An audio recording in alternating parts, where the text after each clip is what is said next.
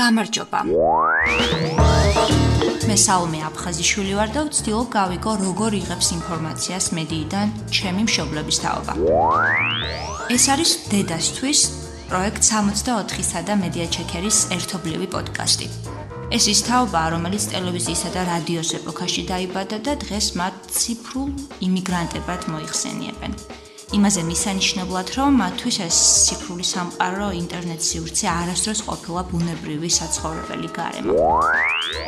პოდკასტის თითოეული ეპიზოდი გაგაცნობთ ერთ ციფრულ იმიგრანტს და მასთან ერთად კრიტიკულად გავაანალიზებთ მედიას, მედია ციგნიერების ხუთი მთავარი კითხვის მიხედვით.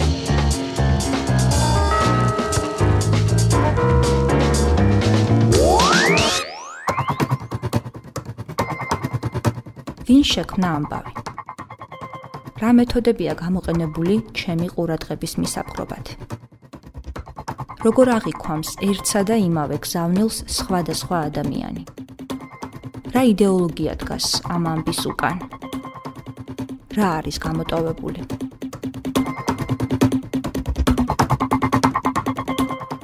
როდესაც ამ პოდკასტის სახელზე მსჯელობდით, ვიფიქრე რომ შეიძლებოდა мама გამენაწყენებინა. იმიტომ რომ პოდკასტს დედასთვის დავარქვი.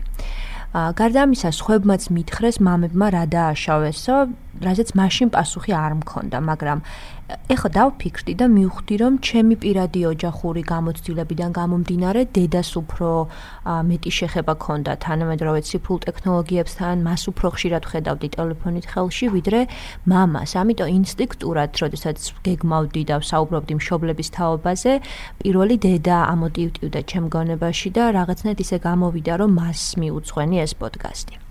უკვე ორი თვეა ქვეყნდება ამ პოდკასტის ეპიზოდები და თუ არ იცით, გეტყვით, რომ 6 ეპიზოდი გამოქვეყნდა, 6-დან 5 ეპიზოდის გმირები ძირითადად დედები იყვნენ, მაგრამ ერთი ეპიზოდის გმირი იყო მამა. ამიტომ ორი კვირის უკან როცა ვცდილობდით, რომ გაგვეგრძელებინა დანარჩენი ეპიზოდების ჩაწერა, შეიძლება ითქვას, რომ ძიება მამებზე გამოვაცხადე და ვიპოვეთ კიდეც ასეთი მამა. მაგრამ სანამ ასე ვთქვათ ამ ეპიზოდის ჩაწერას ბოლომდე მივიყვანდით მე თვითონ გამოვიარე რაღაც პირადი ტრაგედია დავკარგე мама და აი აი ამ ამბებზე ფიქრის შემდეგ როდესაც უკვე დაუბრუნდი პოდკასტის მონტაჟს მივხვდი რომ როდესაც ამ პოდკასტის აუდიტორიას წარმოვიდგენ ხოლმე აუცილებლად უნდა წარმოვიდგინო ის ადამიანებიც ვინც ციფრული ტექნოლოგიების ხსენებაზე პირველი არ გვახსენდება ანუ მე მინდა და ასე მინდა იყოს შემდგომი ეპიზოდების შემთხვევაში რომ ეს ამ პოდკასტის გმირები იყვნენ ის ადამიანები, ვისაც თუნდაც ნაკლები შეხება აქვს ციფრულ ტექნოლოგიებთან, მაგრამ საინტერესოა მათთან საუბარი.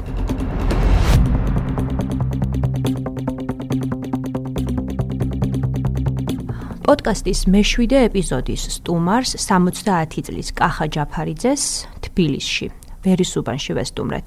კეთილი იყოს ჩვენი ფეხი. გაგეცემოთ და კი ბატონო. ახლა ჯაფარიძე 70 წლის პროფესიით ექიმი მედიცინის დოქტორი. და ბოლო 15 წელიწადია მუშაობ სამედიცინო სოციალურ ექსპერტიზაში. ეს არის პაციენტ ნუ ავადმყოფების თვინ რომლებსაც თქვათ მწვავე დაავადება გადაუვიდათ ქრონიკულში, შემდეგ ეკუთვნით თუ არა ინვალიდობის რომელიც ჯგუფი და ბოლო 15 წელიწადი ამ დარგში მუშაობს. ახლობით ესე 20-25 წელიწადია პრაქტიკულ მედიცინას აღარ. ბატონი კახა ექიმია და ბუნებრივია დაინტერესდი როგორ ხედავდა მის როლს კოვიდის შესახებ ინფორმაციის გავრცელების საქმეში. ხედავ რა დღევანდელ გაჭირვებას, თხოვნას, ხვეწნას, აჯას, მუდარას სახელმწიფო სტრუქტურებიდან მე როგორც ექიმი თავს ვალდებულად ვცვლი რომ ყველას უთხრა რომ აუცილებლად უნდა აიცან და მომყავს სხვადასხვა მაგალითები დღევანდელი რასაც ხედავენ ჩემს პირდაპირ ერთი ჩემი კოლეგა ის ჩემი მეგობარი სტუდენტობიდან კი არა მგონი სკოლიდანაც კი მე-6 კლასიდან რომელიც ცოტა რელიგიური თვალსაზრისით არიცლებოდა ის მორწმუნეა რაღაცა ამიტი რომელმაც აგვისტოში ძალიან ძიმედ გადაიტანა და მისი დაახლოებით ერთვიანი ეპოპეა საავადმყოფოში ყოფნის გამოსვლისას პირველი კითხვა იყო, როდი შემიძლია ავიცრა. ანუ შეეცვალა იგა დღეს სამწუხაროდ სხვა გრძელი კოვიდის სიმპტომი აქვს როგორც ჩანს, რაღაც გულის უკმარისობები დაიწყო, რომელიც არ აწუხებდა მანამდე ჩემი ასაკისაა, მაგრამ ფაქტია, რომ იმის მერე ხდება ეს ისა და აი ეს მაგალითი, იმიტომ რომ იქ ვინც მოდის, მეკითხებიან, სად არის ბატონი, ნუ სახელს არ დავასახელებ, იმიტომ რომ ძირითადად ერთდაიგივე ამყოფები ყოველწლიურად რეალებიან ჩვენთან და ეს მაგალითიც მომყავს და იმან გამოსცადა უკვე.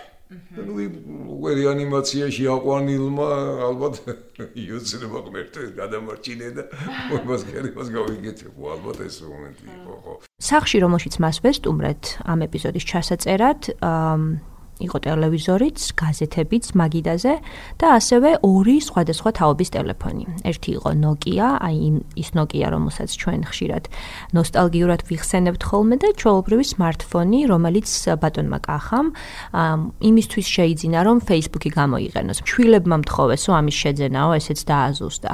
ამიტომ პირველი რამაც მომჭრა თვალი, რა თქმა უნდა, ეს იყო საინფორმაციო საშუალებები და ვკითხე, როგორ იღებ თქო ინფორმაციას, რა ფორმებს ირჩევ და რატომ თქო და აი ესე მიპასუხა. ჩემთვის ჩემი ასაკიდან გამომდინარე ვამბობ არის პრესა და უფრო ტელევიზია. ასაკთან ერთად პრესას ნაკლებად ვეცნობ. დრო არ რჩება, მეტი დრო მიაქვს ამ იმას. აი შემიძლია გითხრათ, რომ ახალგაზრდობაში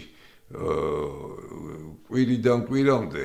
იქ ადრე იყო ყოველდღიური პრესა და ცოტა 10-12 გაზეთი მართალია ყველაფერს არ ვკითხულობდით მაგრამ დღის ბოლოს თქვენ ყველა რაც მე მაინტერესებდა თვით მაშინ არის ყველა ინტერესების სფერო ამხელა. იქ იყო თქვა პოლიტიკაზე არ გითხულობდით, მაგრამ ყოველდღიურად ვიღებდით პრესიდან. მაშინ ტელევიზია იყო ნაკლები, ერთი არხი მუშაობდა, მაქსიმუმ ორი არხი რაღაც და შეიძლება საინფორმაციოებს სულაც არ უსმენდით მაშინ, ხო? ეხლა ტელევიზიამ გადაინაცვლა პირველ ადგილზე. მე ბოლო 20 წლის განმავლობაში ყოველდღიურ გაზეთებს თითქმის აღარ ვკითხულობ, იმიტომ აღარც გამოდის ყოველდღიური, ეთქობა ეს Facebook-მა, ტელევიზიამ ნელ-ნელა გააკრო და არის ყოველკვირეული, სადაც ანალიზია ძირითადად, აი კვირიდან კვირამდე რა მოხდა, მაგრამ იმ ანალიზშიც შეიძლება წავიკითხო ის, რომ რაღაცა გამორჩა ტელევიზორში, ერთმანეთს ავსებს, ხო? რაც შეეხება Facebook-ს, რომელიც მხოლოდ და მხოლოდ წლინახევრის მომხმარებელი ვარ, ესეც ხო, ესეც შვილებმა. რაღაც გარკვეული იმით. აი, რო დაიწყო კოვიდი, შედარებით ჩემცი და ჩემი სამსახური, ხო?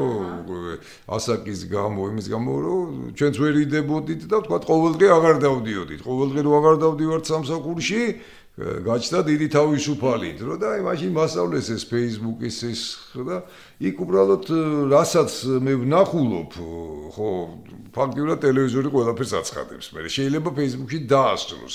პატარა ინფორმაციამ და რომელსაც მე დღის განმავლობაში მე არ მახსოვს თუ არ არის პირად საქმეს ჩარევა და რაღაცა ოჯახური განხილვები და რაღაცა აბსოლუტურად ყველაფერს ტელევიზორი ამიტომ ჩემთვის მაინც ტელევიზორია პირველი წყარო ისა თავარი წყარო ხო თავარი ხო იმ ბოლო 10-15 წელიწადია ორგაზეთს ვკითხულობ მარტო. ერთი არის პრო სამთავრობო და მეორე ანტისამთავრობო. აი ერთმანეთის შევსებით ხედავ რაღაცას. ტელევიზორში დაახლოებით სამი სამარხზია ესე და თუ რამე ერთ ტელევიზიაში, თქვა სამთავრობოში მოვისმინე არასამთავრობო საწინააღმდეგო ის აუცილებლად გადავამოწმებ ხოლმე იქ, ხო და ნუ ახლა რაღაცა შეიძლება შემეშალოს და რაღაცა დავიჯერო აი ეს მომენტია ამ იმედია. ძალიან საინტერესო იყო ჩემთვის რაც ახლა ბატონმა კახამ თქვა სოციალური მედიის და ტელევიზიის შესახებ.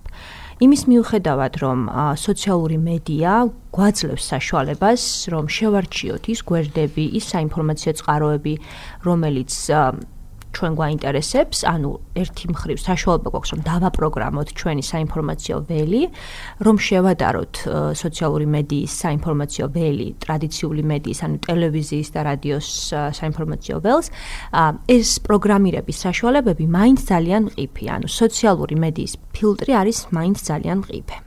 დისციპლინა, რომელიც ტრადიციული მედიის პროგრამირებაში არსებობს, სოციალურმა მედიამ თითქოს გადაყლაპა, იმდენად რომ როცა აი ამ კომენტარს ვისმენდი ბატონი კახასგან, მივხვდი რომ Facebook-ის newsfeed-ის ქაოსი, რომელიც რომელშიც ცხოვრობთ დღეს, ჩემთვის შემაწუხებელი აღარ არის. ანუ აღარ მაწუხებს ყოველდღე აი ამ ზღვა ინფორმაციის ნაკადში ცურვა და ინფორმაციის მიღება, რასაც ჩემი მშობლების თაობის წარმომადგენელი ბატონი კახა სხვანაირად უყურებს, მას სხვა გამოცდილება აქვს, მაგრამ თავის გამოცდილების პარალელურად ახსენა მისი მეუღლის გამოცდილება და მითხრა, რომ არც ისე სწორხაზოვნად არის საქმე ამ თაობებს შორის განსხვავებაში, როგორც მე ვხედავ მაგალითად. აი ხა გავიგებთ რას გულისხმობდა ამაში. ვიტყვი ხლა მეუღლე და მე, ხო, ერთი თაობის ხალხი ვარ, მე ცოტა უფროსი ვარ, რომელიც ბევრად მეტ დროს უთმობს Facebook-ს ვიდრე ვთქვათ ტელევიზორში ყურებას. მოუმზადებ აქ ინფორმაციას, ცოტა ლაგლებით რო აქ იმასო და გვიან მოდი სამე უფრო ადრე მოვდივარ ხოლმე. სამსახურიდან ჩაურთავ და ორწუთი გავაპარებ თვალს და ჩამძრალია ისე Facebook-ში და რაღაც ხო და არ არსებობს. უსმენ მეუბნება. არ არსებობს. რომ უსმენდე ტელევიზორს ჩახვიდე მაშინ და ისიც მოისმინო. ჩემი თაობის ხალხიდან, თორემ მე იყო დრო, ერთდროულად ჭამდი, ტელევიზორს უყურებდი და ვკითხულობდი, ხო? და სამივეს იმაშობოდი. ეხლა ვნახე რომ თუ Facebook-ში გავიდი, ის თავი ტელევიზორი თავისთვის ლაპარაკობს. ვერ ჩემთვის უკვე ესია, ორი მას ვეღარ ვაკეთებ ეხლა ეს ასაკის არის თუ ეს გიტრებს ზაღრმათ, ხო, ვერ გეტყვი და ამიტომ ამბობ ზოგს Facebook-ი ანუ ეს მაია ვეუბნები ხო ახაც ყველაფერი უფრო კარგად იქნება. შენ მან საძებნი გაქვს და მართლაც ხანდახან დამთხეულა რომ იქ რასაც უსმენს მე აქ უსმენ? იქ ურჩევნია. ჩემ შემთხვევაში ნამდვილად ასეა. სოციალური მედიის თითქმის ნებისმიერი პლატფორმის სკროლვა და პარალელურად რაღაც სერიოზული საქმის კეთება არის ჩემთვის თითქმის წარმოუდგენელი. ან შეიძლება გავაკეთო ეს მაგრამ ყოველ შემთხვევაში პარალელურად რასაც ვაკეთებ მასზე კონცენტრაცია არ მაქვს. შესაბამისად ეფექტურობა ამ საქმის შესრულების ხალხის იკლებს. ამას გარდა კიდე ერთი რაც ძალიან მეუცნაურა, როცა ბატონი კახამე საუბრებოდა, იყო ის, რომ ის სოციალურ მედიას, ამ შემთხვევაში Facebook-ს რაღაც გამოზომილად იყენებს, აი რაღაცა რეცეპტივით აქვს, როგორც სამედიცინო სფეროს წარმომადგენელს, რომელსაც მიყვება ის ყოველდღიურად. დილით ვერ ვასრებ თუ მივდივარ, ხო, ну მაქსიმუმ 5 წუთით, ხო, რაღაც ამითი. მე რომ მოვდივარ თქვათ 3 საათზე 4 საათზე დაახლოებით 1 საათი მაქსიმუმ. აი მაინტერესებს ვინმეს ჩემს თაობაში ასე თუ დაგიგეგმავთ Facebook-ის გახსნა დღის განმავლობაში.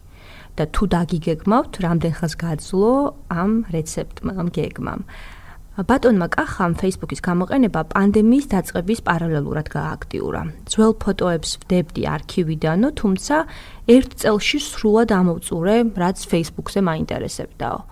მე დაახლოებით 10 წელია Facebook-ის აქტიური მომხმარებელი ვარ, რა თქმა უნდა, აქტივობა Facebook-ზე ჩემი აქტივობები შეიცვალა, სახეცვლილება განიცადა, მაგრამ Facebook-ი არ გამიუქმებია. ანუ ისევ ყოველდღიურად ერთ-ერთი ყველაზე ხშირად მოხმარებადი ვებგვერდია ჩემს საძიებო სისტემაში, ხო? ყველაზე ხშირად ხსნი. ანუ Facebook-ი ჩემთვის არ ამოწურულა. რაც ასევე ძალიან საინტერესოა, რატომ ხდება ეს ჩემი თაობის შემთხვევაში და რატომ რაღაცა რამდენიმე თვეში რატომ ამოწურა მაგალითად ბატონმა კახამ Facebook-ის როლი და ფუნქცია მის ცხოვრებაში. და აი ამ განსხვავებებზე საუბრისას ბატონმა კახამ თავისი შვილის მაგალითი მოიყვანა, მისი შვილი ჩემი თაობის წარმომადგენელია და ძალიან საინტერესო ილუსტრაცია ეხა რასაც ყვება ის იმასთან დაკავშირებით, რაც ეხა ამ წუთას მე ვთქვი. არ დამიდია არც ერთი სურათი, სურათის სახით, ხო შვებს კი არ ვაყენებ ამას. აი თამთას ბავში სურათებსაც როდებს თუ წანადა ზღვარი არ აქვს, რატო დადო ეს სურათი არ ულაიქებ, ხო ესე ქვია, ხო? რაღაცა უნდა ეწეროს. სულ ყველა იმაზე მედო, რატო მედო ეს სურათი ან რაღაცა ესეთი და წელს ხო ამოდის გამეორება მემორი, ხო, შეხსენება არც ერთი თავიდან აღარ იმას მიქნია, ზოგი 10 წლის 15 წლის. იმიტომ ჩემი თაობის აღარ არის ეს, ხო? ამ ხრი იქნება ახალი ახალი მას მომივა რაღაცა დავწერ და უბრალოდ აი ეს ტელეფონი მომიტანეს რომ ამაში უნდა ყულობ ხო? რომ ტელეფონიც გამომეცვალა ნახეთ როგორ ტელეფონს ყოლობ ხო? იმიტომ რომ მე დავდივარ უნდა ჩამედი. ამ ეს ვერ ეს ვიდეოს წელი და გაზაფხულზე დაბათების დღეზე მაჩუკეთ და ამაში ეხლეს Facebook-ი დილას იმიტომ ეს არ დამაკარსა და სახში მომაქვს იმიტომ ვერ მოვიხმარე რო იტყვიათ იმიტომ რომ მე ვჭირდები სხვას, მე თითქმის არავის არ ურეკავ, ხო? ავანტყოფები მირეკავენ, როდის არიან, რაღაც არიან და იმიტომ რომ იმდენად ადრე მოდივარ 4 საათზე სახში ვარ, რომ აქიდან მე ვისაც უნდა დაუკავშირდები და იციან რომ სახში ვარ, თუ ვჭირდები და ეს რა მომირო. იმის გამო რომ ბატონი კახა სოციალურ პოლიტიკურ ცნობებს მაინც ტრადიციული მედიით იღებს, მედია ციგნიერების ექსპერიმენტისთვის შესაბამისი მედია შევარჩიეთ. ჯერ გაზეთი გადავშალეთ, მაგრამ ბოლოს მაინც ტელევიზიაზე შევჩერდით. ეს არ წამიგითხავ ჟეროგონთ, ეს დავიწყე და ვამთავრე. შედარებით თავის მაჩვენებლები პოლიტიკაზეა დასაკვირველია საუბარი და გამოვიქეცი უცებ გული მომჭირა ესეთმა რაღაცამ რაღაცამ დავიმახს. აი აზურ მელიაზე. აღმოჩნდა რომ მისი ყურადღება მიიქცია მაესტროს სატელევიზიო პროექტ უცნობის კიდობანის ახალმა ეპიზოდმა. რომელშიც წამყვანი გიორგი გაჩეჩილაძე იგივე უცნობი მას პინძლობს მართველი პარტიის ქართული ოცნების ერთ-ერთ ლიდერს და პარლამენტის თავმჯდომარის პირველ მოადგილეს გია ვოლსკის. ეს არჩევნების მეორე ტურის წინა პერიოდია, უცბად უნდა გავითვალისწინოთ შესაბამისად პროსამთავრობო მედია პროექტი აქცენტს ოპონენტებზე აკეთებს. ოპონენტი ამ შემთხვევაში ზუგდიდის მერობის კანდიდატი ნაციონალური მოძრაობიდან ანზორ მელია, რომლის წარსულის გახსენებით წამყვანიც და სტუმარიც მის დისკრედიტაციას ცდილობენ. ჩვენი ეპიზოდის სტუმრისთვის ეს ამბავი განსაკუთრებით საინტერესო აღმოჩნდა, იმიტომ რომ მას ანზორ მელიასთან კოლეგიალური ურთიერთობები აკავშირებდა და მასზე იმაზე მეტი იცის, ვიდრე შეიძლება საშუალო სტატისტიკურმა მაყურებელმა თუნდაც მე ვიცოდე. ერთად მუშაობდით თითქოს.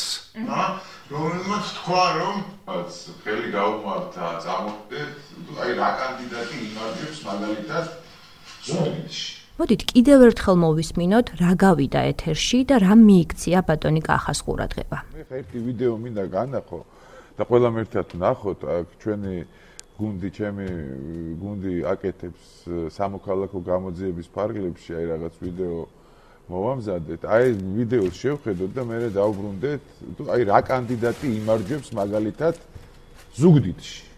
აი ნახოთ რა.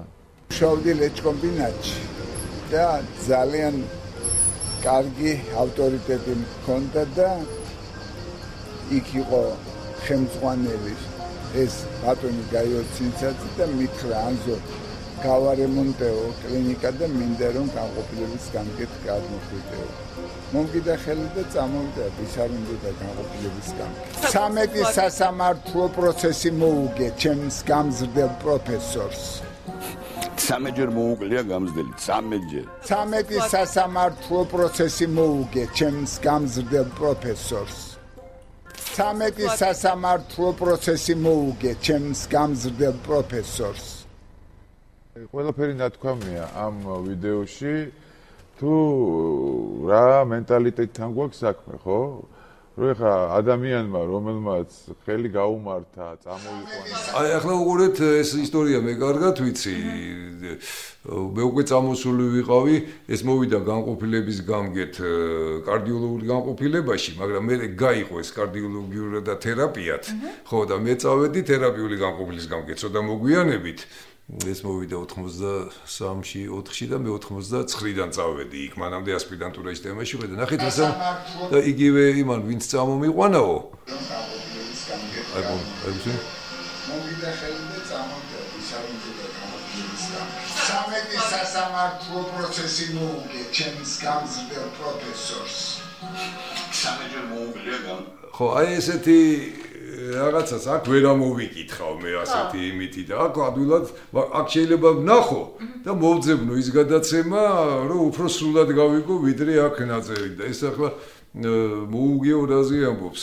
ის განყოფილება წაართვა როდის ახლა ის ის ხო ძველი თაობის ისა როცა ყველა იყო საბჭოური ხო ეს ისა მაგრამ როგორც კი კერძოზე წავიდა და ლაპარაკი ნუ მე იქიდან მე აღარ მუშაობდი იქ ვიცი რომ სუაიმ ჭიდაობა იმით იმით ყველა ის და მისი მომხრე გამოუშვა იმით ხო და აი ესეთ ანალიზებს თუ გავაკეთებ ხოლმე ამ იმითი ხო ეხლა ეს აბა გავაგრძელოთ, მაინტერესებს როგორ არის. აა არა, ამაზე წდება. უბრალოდ ეს ეს ხო ეს პროსამთავრობო არქია მაესტრო, ხო? ცხადი ახლა ის ყავს მოყვანილი, მაგრამ ჩემი თაობისთვის კაცო რაღაცას ამბობენ. ხო თავის გამსდელს. ხო. ხო, წადი თუ ნიჭი გაგდა რაღაცა, წადი გვერდზე აშენე რაღაცა ქენი ხო, იმიტომ რომ ენერგია და ნიჭი ამისი დიდი აღმოაჩნდა ამას, ხო, მაგრამ ახლა რა გზები დემით მე არ ვიცი, მაგრამ ერთი გზა გამოჩნდა აღი. ხო, 13 სასამართლო მოუგიო, ხო. მოუგე ჩემს გამსდელ პროფესორს. სამედი სასამართლო პროცესი მოუგე ჩემს გამზრდელ პროფესორს. ხო, ვიმეორებენ უარყოფით კონტექსში, ხო? და დღევანდელი ეპიზოდის სტუმარმა რამდენიმე მნიშვნელოვან დეტალზე გაამახვილა ყურადღება. ვინ ავრცელებს ამ ამბავს, რა ფორმით, რა სიტყვებია შერჩეული მისი ყურადღების მისაპყრობად, რა ღირებულებებია ამ ყველაფრის უკან, ამ სიტყვების უკან. ეს ყველაფერი ბატონმა კახამ შეამჩნია მანამ სანამ მედია ციგნიარების ექსპერიმენტს დავიწყებდით, ანუ სანამ ხუთ მთავარ კითხვას დავსვამდი. რაც ძალიან კარგი ილუსტრაციაა იმისა, რომ ზოგჯერ მედია ციგნიარების პროცესში ისევ მონაწილეობთ, რომ არც ვიცით, ან არ ვარქმევთ ამ პროცესს მედია ციგნიარებას.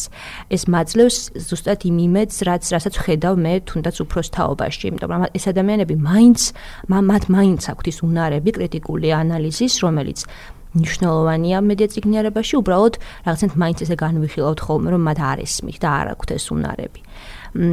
უბრალოდ მაინც ამის მიუხედავად, რომ მან რაღაცნაირად დასაწყისშივე უპასუხა იმ კითხვებს, რომელიც უნდა დამესვა, ამის მიუხედავად მაინც მნიშვნელოვანი იყო უფრო მეტი დეტალი გამოგვეკვეთა ამ კონკრეტულ ეპიზოდში, სიუჟეტში, ამიტომ მაინც დავსვით მედიაციგნიერების ხუთი მთავარი კითხვა. კითხვა ნომერი 1. ვინ შექმნა ამბავი? ეს ერთი შეხედვით მარტივი კითხვაა, მაგრამ ძალიან მნიშვნელოვან ინფორმაციას გვაძლევს ამბავზე.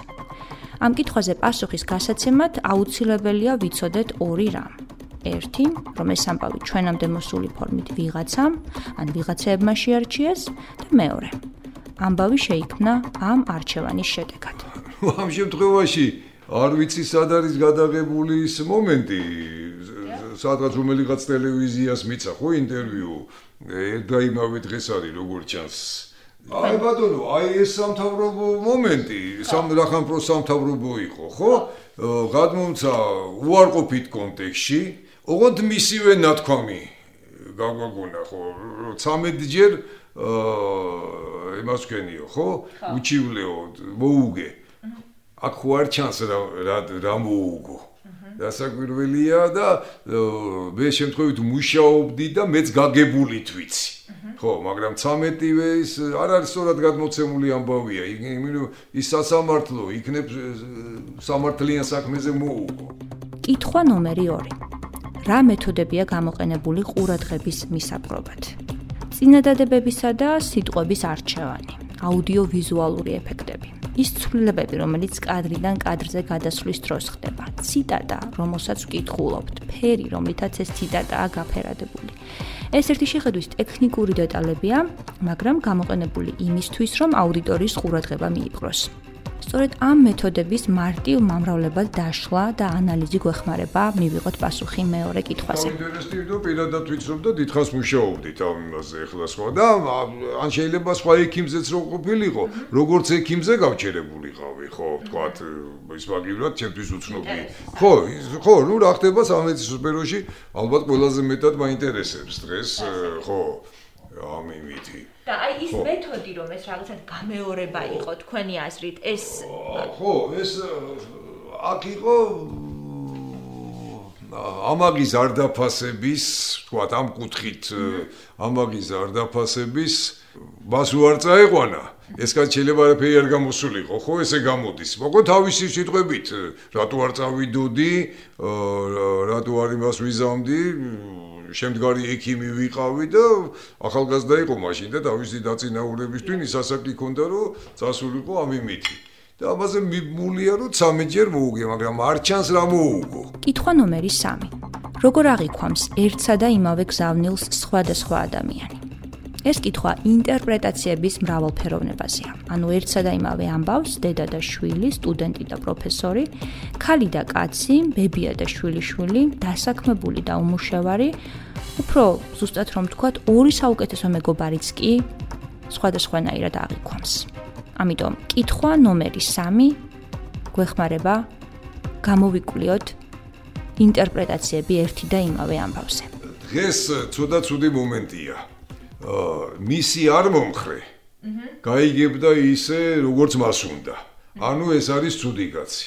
მისი მომხრე გაიგებდა ისე, რომ გავბოდი, გავიგოთ რა მოხდა იქ ერთი და რა კონტექსტით აჩვენა ამ იმან ან ტელევიზიამ ფეიკი გაუშვა როგორც თქვა ესენი თავარზე ამბობენ იგივე ვარიანტია ზუსტად ხო ნუ ძალით წარმოაჩინა უარყოფითად ისე რომ შუაში გამოტოვა მომენტი ხო იბოდოს კითხვა ნომერი 4 რა იდეოლოგია დგას ამ ამბის ამ მესიჯის უკან სიტყვა იდეოლოგია ამ კონტექსტში გულისხმობს კონკრეტული ღირებულებების, რწმენა წარმოდგენების, პოლიტიკური, ეკონომიკური, რელიგიური თუ სხვა შეხედულებების ერთობლიობას, რომელიც ჩვენს ყოველდღიურ ქმედებებს და არჩევანს განაპირობებს. თუ ჟურნალისტი რომელიმე იდეოლოგიით არის მოტივირებული, ნებისმიერი მისი კითხვა თუ ქმედება სწორედ ამ იდეოლოგიით არის ნასაზრდოები.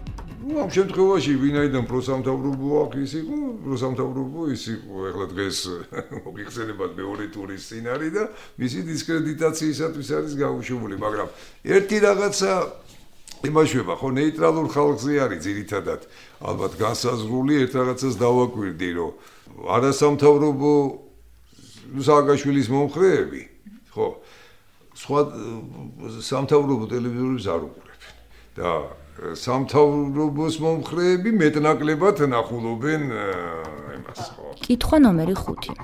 რა არის გამოტოვებული? პასუხი ამ კითხვაზე გვეხმარება გავიგოთ ავტორის ამ მესიჯის თუ მედია პროდუქტის ავტორის მიერ გაკეთებულმა მიზანმიმართულმა არჩევანმა რამდენად რა ხარისხით დაარღვია ამბის სრულყოფილება. რა დაგვაკლდა იმისთვის, რომ სრულად გავიგოთ ამბის არსი. აქ შეიძლება გამოტოვებული კი არ არის, აქ შეიძლება არც არის ნალაპარაკები, ეს ხო არ იქნებოდა რომ სასამართლო და რაღაცა. ხო, ანზორი ამ შემთხვევაში ამბობს, რომ ხო, არა, აქ რაღაც ინტერვიუ იქნებოდა, არ მომისმენია, ხო რისთვის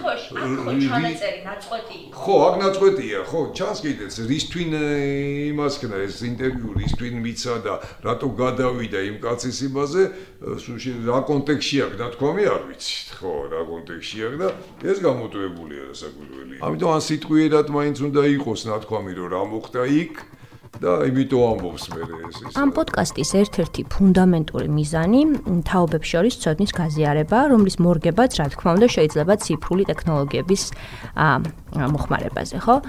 და სულ ვცდილობ ხოლმე, რომ ყველა პოდკასტის, პოდკასტის ყველა ეპიზოდის გმირს დაუსვა კითხვა, მაგალითად, რას გვირჩევდნენ, რას ასწავლიდნენ ჩემი თაობის წარმომადგენლებს ტექნოლოგიების გამოყენებასთან დაკავშირებით. ან სულად ზოგადად რა რჩევას გაგვიზიარებდნენ, რომლის მორგებად შეიძლება ციფრული ტექნოლოგიების გამოყენებაზე. აი, რაც ბატონმა კახა მითხრა, ესეთი პასუხი ხშირად არ მესმის და არ მომისმენია, ამიტომ ყურადღებით მოусმინეთ. შვილებისთვის ნათქვამი. მე რო რაიონში რო გამონაწილეს, აქ დაბადებული, აქ გაზდილი, ვირჟაზე ნადგომი ყოველდღე, კალათბურთით მოვლილი მთელი საბჭოთა კავშირი, ხოთ ინსტიტუტის პერიოდში და ჩემით წავედი რაიონში. იყო შანსი რომ მითხეს გახახო არ დარჩები, სწორედ აი იმ კათედრამ, სადაც წინწაძის და სხვა მითხრა უკონ ახალგაზრდა ხალხს ეძებსო პერსპექტიულსო შეიქმნა რა. არა, მე ვთქვი, უნდა წავიდე რაიონში მეთქი, ხო. იქ ფაქტიურად საქმე არ მქონია და რომ ნახე რომ ეს საქმე არ მქონდა ეს წრები გასავლელი იყო, ეხლა ჩახვედი იგი ითყვარ წამოყავ რაღაცა და ბიჭის ბიჭ მოწოს განსაკუთრებით. ესეთი რაღაცა რომ დავიწყე ჩემ თავზე მუშაობა მეთქი რომ ნერვების გამოსაცელა 24 წლის ვიყავი რომ წავედი მე 24 წლის ხო ამემითი და მეუთხარი მზეს უმზირას ყიდულობდი მეუთხარი მანეთის ჯამბეური იყო. ვარჩევდი და ვყრიდი მეთქი მე იმზეს უმზიდას მეთქი. როგორ ხნუ ნერვებს ვიმუშავებდი მეთქი რა გამოცდებას ვიძებდი რომ ნაჩქარები და რაღაცა არა ყოფილიყავ მეთქი და აი ეს თუ შეიძლება გადმოიტანოთ, რომ ნაჩქარევა და აუწონ დაუწონლად არც ერთი ინფორმაცია არ გავიდეს და კატეგორიული აზროვნება რო არ იყოს რაღაცაში. აი ეს ორი სმა, არ ვიცი, საინფორმაციო იმაში როგორ გამოიყენება ეს. მაგრამ იმდენად ის ვარ ტექნოლოგიებთან დაშორებული, რომ თქვათ რაღაცა ტექნიკურ ხარეს ვერ გეტყვით ნამდვილად, ხო? არც იყო მგონი ტექნიკურზე ლაბორატორია იყო ამ გამოცდილებას თემა. ხო, ხო. მადლობა. ძალიან საინტერესო იყო, იმიტომ რომ ზუსტად ეგ გჭირდება. იცით რატომ გჭირდება? იმიტომ რომ ხშირად ვაზიარებთ, ვყიდულობთ ინტერნეტში იმას, რაც არ გჭირდება, მაგრამ მოგწონს და ვყიდულობთ, იმიტომ რომ ის შემოთავაზებულია იმ წუთას და ჩვენს იმპულსებს ეს კარგად მიესადაგება. ამიტომ კარგი რჩევა. მადლობა.